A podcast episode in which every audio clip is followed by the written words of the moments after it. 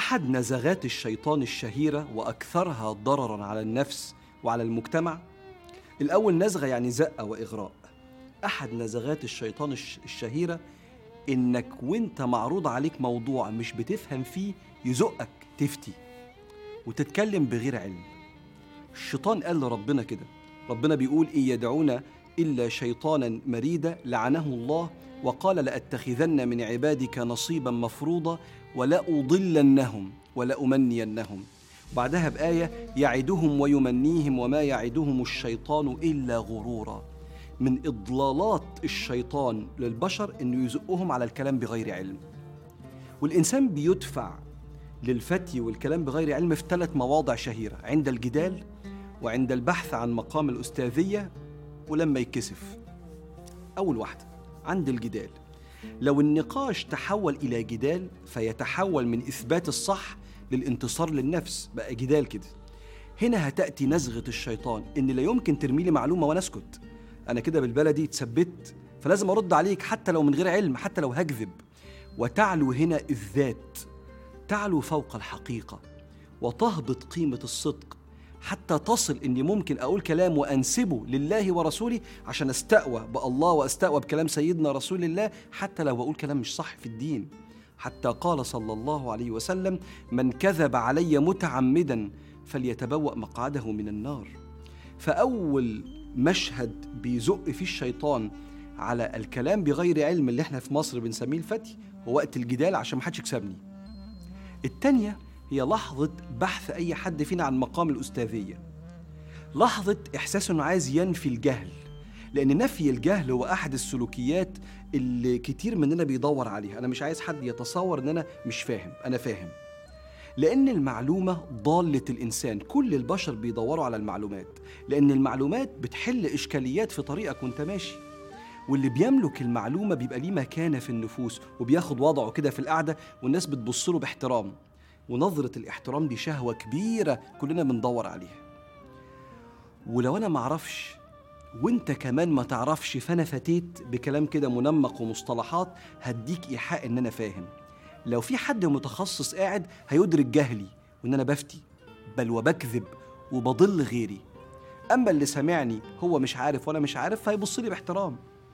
عشان كده سيدنا النبي عليه الصلاة والسلام اتكلم على المتخصص وقال يرث هذا العلم من كل خلف عدوله. يعني الناس المتعلمة هي اللي بتورث العلم في كل جيل.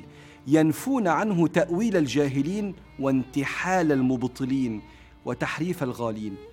أهو اللي بيفتي في أي علم بدون معرفة حقيقية ده بينتحل اسمه انتحال المبطلين بينتحل بالباطل صفة المتخصص. والعالم دوره إن هو يبعد ده عن طريق الناس. بس خلينا في اللي بيفتي وقت ما يحب يبحث عن مقام الأستاذية دي الصورة التانية اللي الشيطان بيزق فيها على الفتي المشهد الثالث اللي بيشجع فيه الشيطان الإنسان إنه يفتي هو لحظة الكسوف. لما يسيطر عليا إن أبقى مكسوف إن أنا مش فاهم في الموضوع ده. فكأن الناس هتبدأ توصفني بالجهل. بقى مع كل الأحداث دي انت لسه مش بتقرا في الموضوع ده ولا مش فاهم فيه أنا هنا مش بدور على مقام الأستاذية أنا بس مش عايز ابان اني مش فاهم في الموضوع ده مكسوف من المشهد ده. لاني هحس ان اللي قدامي هيبص لي بصة نقص لو اكتشف اني مش عارف اجاريه في الكلام. فاكر زمان في سورة يوسف وقال الملك إني أرى سبع بقرات سمان يأكلهن سبع عجاف وسبع سنبلا- سنبلات خضر وأخر يابسات. يا أيها الملأ افتوني في رؤياي إن كنتم للرؤيا تعبرون. على فكرة الملك قال لهم ده رؤية ولو أنتم مش بتفهموا مفيش مشاكل. إن كنتم للرؤيا تعبرون اتكسفوا بقى من منظرهم قدام الملك. قالوا أضغاث أحلام. وبعدين لحسن نضره لما نقول له أي كلام. أضغاث أحلام يعني أي كلام. فلحقوا نفسهم. وما نحن بتأويل الأحلام بعالمين. إحنا بصراحة ما بنفهمش في الموضوع ده. طب ليه بتتسرع وتفتي وتقول أضغاث أحلام؟ انت عارف هو اتكسف. اتكسف قدام حد مش عايز يبص له ان هو مش فاهم.